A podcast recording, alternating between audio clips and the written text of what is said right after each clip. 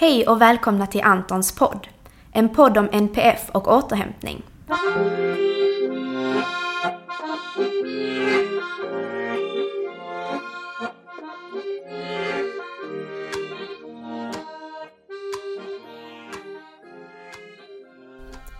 Jag heter Marie och kommer att i dessa poddavsnitt utforska olika aspekter av hur det är att leva med eller tillsammans med någon med NPF, neuropsykiatrisk funktionsnedsättning. Jag heter Josef. För tio år sedan så jobbade jag som pedagog på en särskola och fick en ny elev som hette Anton. Han lärde mig om autism och han lärde mig minst lika mycket om behovet av återhämtning. Jag lärde också känna Antons mamma, Lotta. Att leva med Anton är både fantastiskt och underbart. Men det är också utmanande. För Anton har svår autism och det påverkar hela familjen. Vi är ofta helt slutkörda och har ett stort behov av återhämtning. För att skapa möjligheten att få anpassad återhämtning skapade Lotta, Josef och Antons läkare Helena föreningen Antons hus. Denna podden handlar inte om Anton, men Anton har vi alla gemensamt. Podden är för er alla som också har en Anton.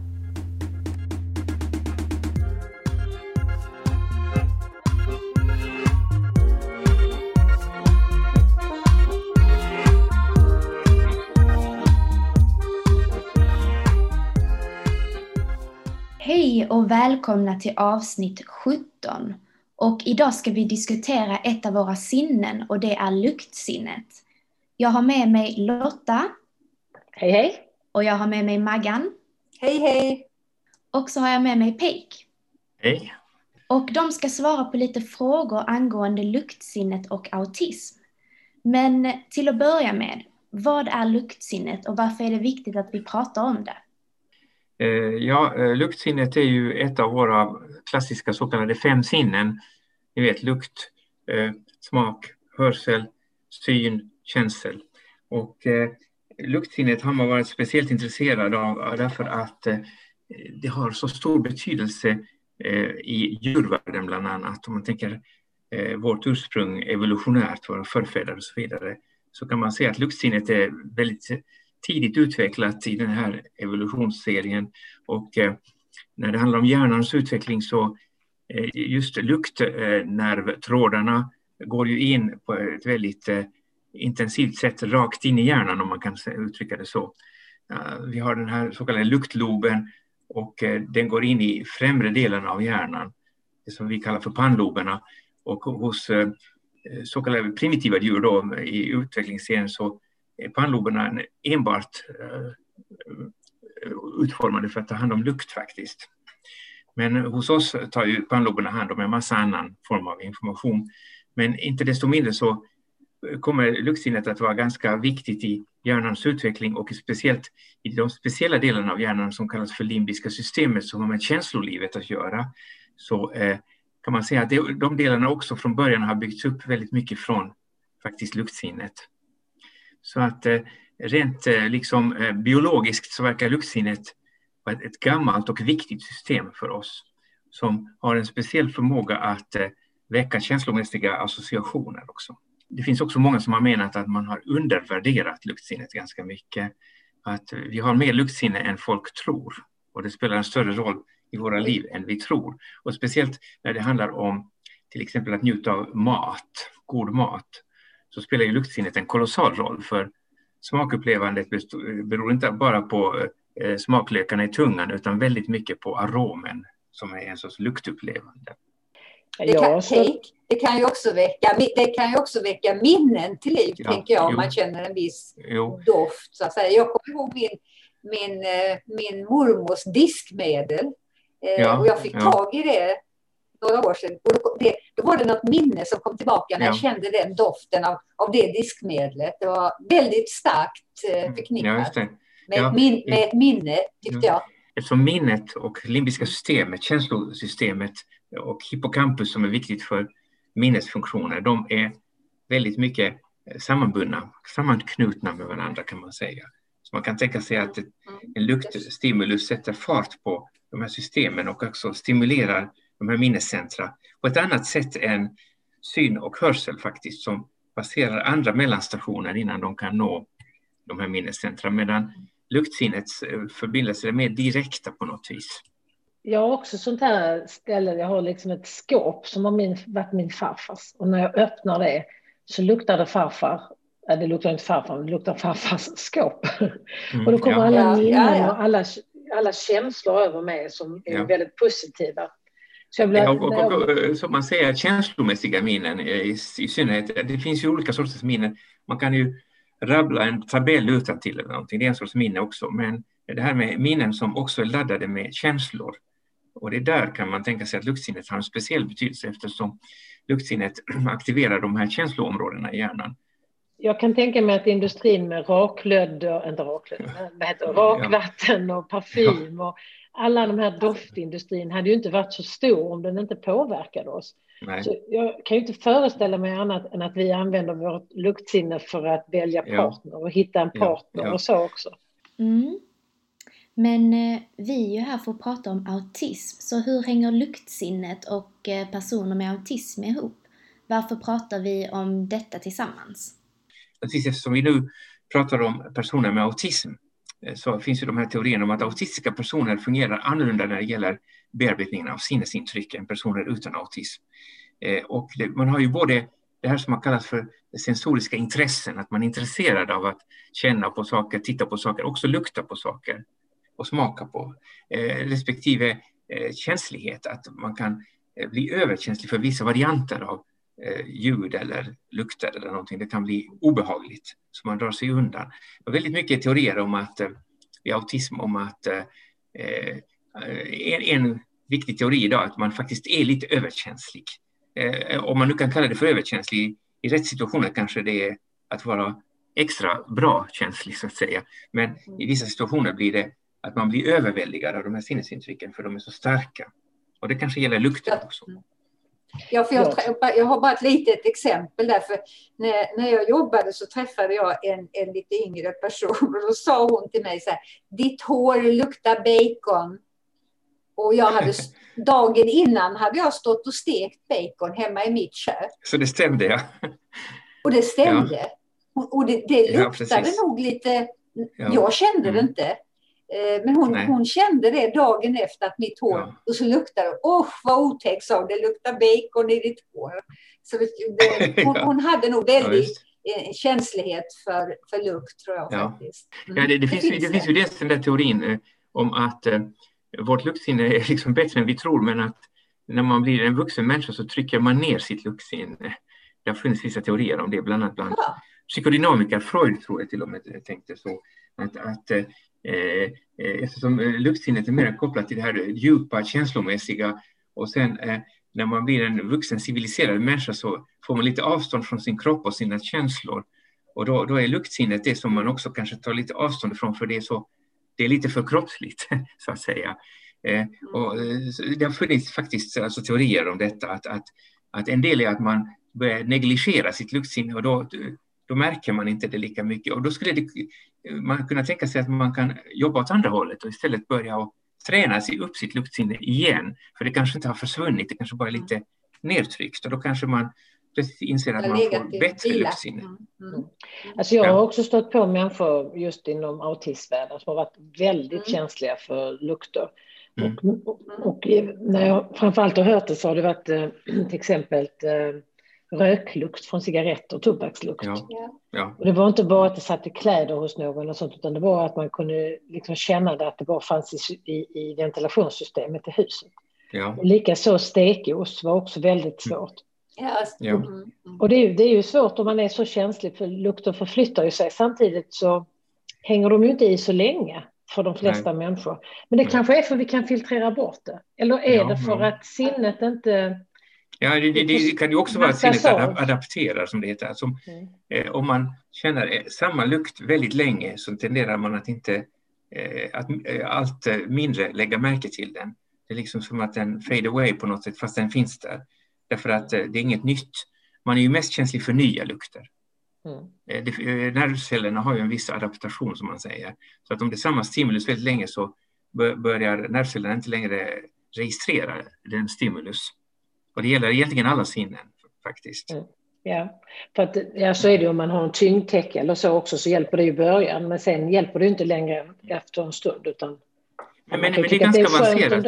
mm. Det är ju komplicerat det därför det verkar det handla om att det finns dels det här systemet som egentligen ska då eh, ta emot och upptäcka eh, impulserna. Men sen finns det kontrollsystem lagt ovanpå som kan trycka ner det. Det var det vi pratade om, att man kanske kan mm. eh, mm. eh, alltså strunta i en, en, en, eh, ett sinnesintryck som kommer. Man, man bryr sig inte om det. Och, och då kan man liksom filtrera bort det så att man till slut inte ens märker det. Det, det kan vara med, till exempel med ljud, det kanske folk är mera eh, varse det i vardagslivet, att vissa ljud kan man ju vänja sig vid och sen struntar man i att de finns där. Men om någon påminner en och frågar, hör du det där ljudet? Så kan man, ja, ja, jo, det gjorde jag visst. Till exempel mm, ventilationsljud hemma. Eh, mm. Jag tror det är så med mig i mitt hem. Ventilationen eh, alstrar ett svagt ljud hela tiden. Men mesta delen av tiden eh, tänker jag inte på att det ens existerar. Men om man stänger av ventilationen, om strömmen går eller någonting, då blir det plötsligt tyst. Och då mm. märker man plötsligt att det har varit ett ljud där. Annars hade det inte blivit så tyst. Mm. Och, och det, gäller ju alla sinnen och även luktsinnet tror jag att man kan vänja sig vid en lukt också. Eh, men, men sen kan det vara att vissa personer har svårare än andra att vänja sig. Mm. Alltså att, att det, det, kommer inte den där tillvänjningen riktigt. Den, den känns ja. hela tiden den här lukten.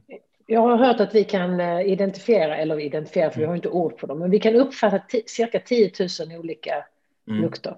Ja. Och en hund kan ju liksom flera gånger mer. Ja, det är klart. Och, det, och de måste ju kunna filtrera bort, annars hade de ju blivit, måste ju vara fruktansvärt. Så om man ska lära en hund att hitta någonting så måste man ju lära den att det är denna doften ja, du ska filtrera ut, det är denna doften du ska fokusera på och hitta. Det, det, är så man lär en hund att hitta tryffel. Vad man ja, vill att de ska hitta. Ja, precis. Ja, de har alla de här men de måste ju kunna identifiera dem. Jag tänker bara så här att det måste ju, om man är väldigt känslig för, för lukter alltså så, så måste det nästan bli svårt i livet på något vis. För det finns ju så mycket dofter över, överallt, i affärer, mm. i skolan, ja. hemma, alltså hos läkare, eh, alltså överallt. Och är man då väldigt, väldigt känslig, som vissa människor är, så blir det ju svårt, nästan handikappande på något vis. Mm. För dem. Ja, och det är ju det här med autismen med sensoriska känsligheter som ingår ja. numera som ett kriterium för autism. Eh, ja. Att, eh, att då kan man eh, vara så känslig att man upplever lätt obehag av alltså helt normala miljöer som andra människor inte tycker att det är något speciellt Nej. med. Men hur, hur ska de personerna förhålla sig till detta då? Kan man träna det på något ja. vis?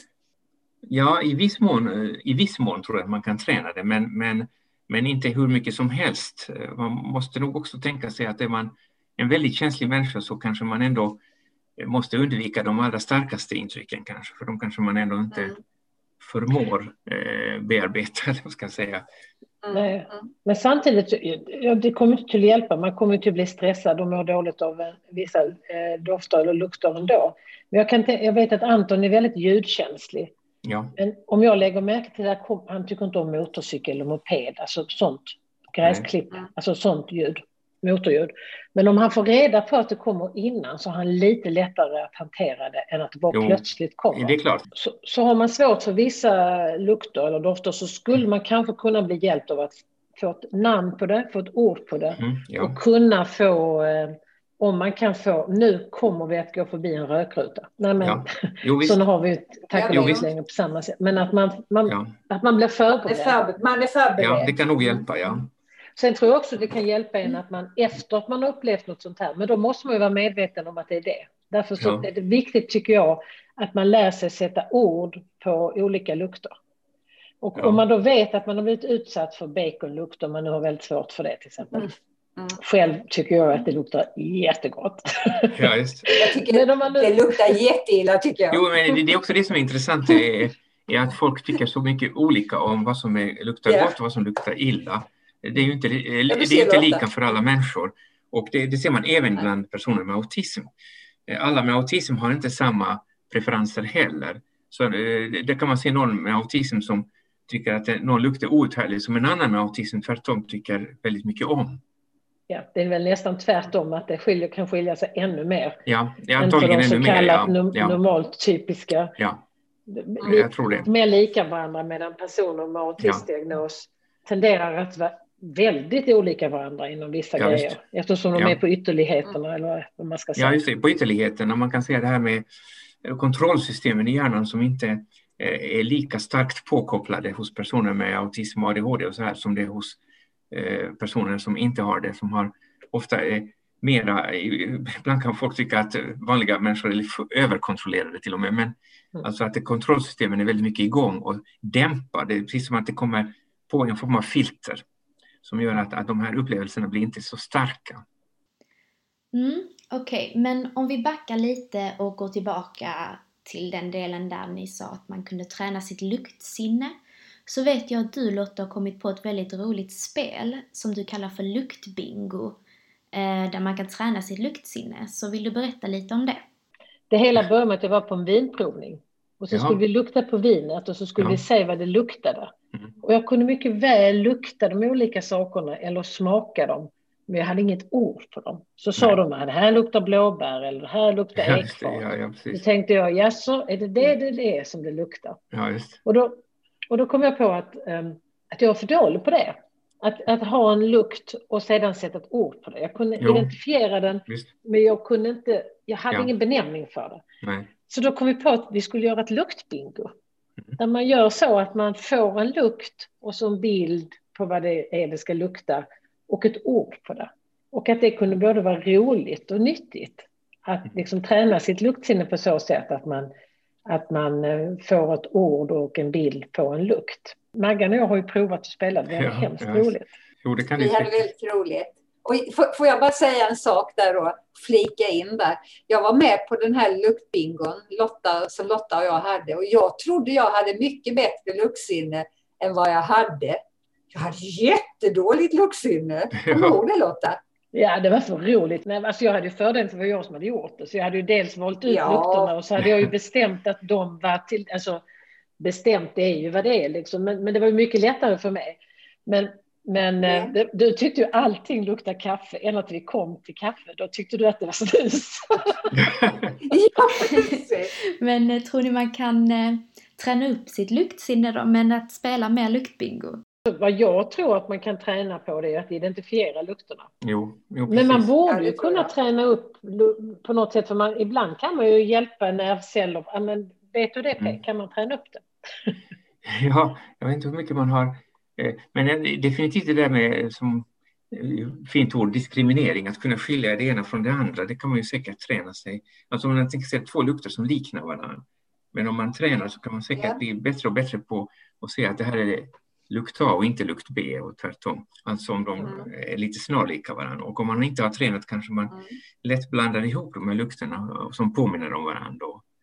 Eh, mm. Så det tror jag man kan träna upp ungefär som man nog visuellt säkerligen också kan träna sig att, eh, att upptäcka vissa typer av mönster. Om det krävs att man ska göra det så kan man träna sig att börja känna igen en viss typ av mönster med synen. Och då borde man ju kunna träna något motsvarande med lukten också. Mm. Jag, jag provade faktiskt med Anton, för det är väldigt svårt att hitta på saker att göra med Anton. Och han tyckte att det var så roligt. Han var så ja. fokuserad. Ja. Och han luktade och jag tänkte att det här kan jag fara åt alla håll och kanter ja. bli. Och ibland måste Anton ja. kolla vad de olika delarna är och ta ja. sönder och så. Och eh, det är inte alltid det går att sätta ihop. Nej. Men många gånger. Men det gjorde han inte, utan han var Nej. väldigt fokuserad och han var faktiskt mm. riktigt duktig på att identifiera lukterna. Och sen hade vi ju då ingefära, det vet ju inte han vad det är. Nej. Men då lärde han sig ett nytt ord på ett väldigt snabbt jo. sätt. Jo. Så att ja, det kan ja. faktiskt vara en, till en viss del för vissa personer kanske ja. en inlärningssätt. Ja. Lära sig ja. olika känslor. Ja. Alltså, känslor är svårt att lära för man vet ju inte vad man får för Nej. olika känslor på olika lukter. Nej. Men att identifiera saker kanske? Eh, ja, och eh, just det här faktum att just personer med diagnos autism, eh, det är väldigt många som är lite extra intresserade av att lukta och smaka på saker till exempel. Än, alltså, man kan säga att väldigt små barn är ju det. Mm. Det är ju vanligt att mm. barn i tidig förskoleålder mycket för att lukta och smaka på saker. Sen avtar det ju ofta med åldern, men många med autism har kvar lite av det där uppe i åldrarna och i vuxen ålder kanske. Att, att de är lite mer för att uh, använda sitt luktsinne också. Mm, och om du som lyssnare vill göra ditt eget luktbingo så kan du gå in på Sinnen och Perceptions hemsida som är www.sinnenperception.se och så går du in under fliken luktbingo. Där kan man gå in och, och, och se hur vi gjorde vårt luktbingo så kan man göra sitt eget eller tips. Mm. För det viktiga är ju att man tänker först på vem man gör luktbingot för och varför man gör det. Ja. Gå in på luktbingot och få tips och se om det är någonting för dig som lyssnar. Mm. Och ge oss gärna feedback. Mm, och sen så vill jag också tipsa om Sinnen och Perceptions YouTube-kanal. För att om du tycker det är lite svårt att förstå med instruktionerna på hemsidan så kommer vi också lägga upp videoklipp där, eller YouTube-videos där på hur man spelar och hur man gör sitt luktbingo. Och just nu så har vi uppe en film om luktsinnet som ni kan titta på och de andra filmerna kommer så småningom.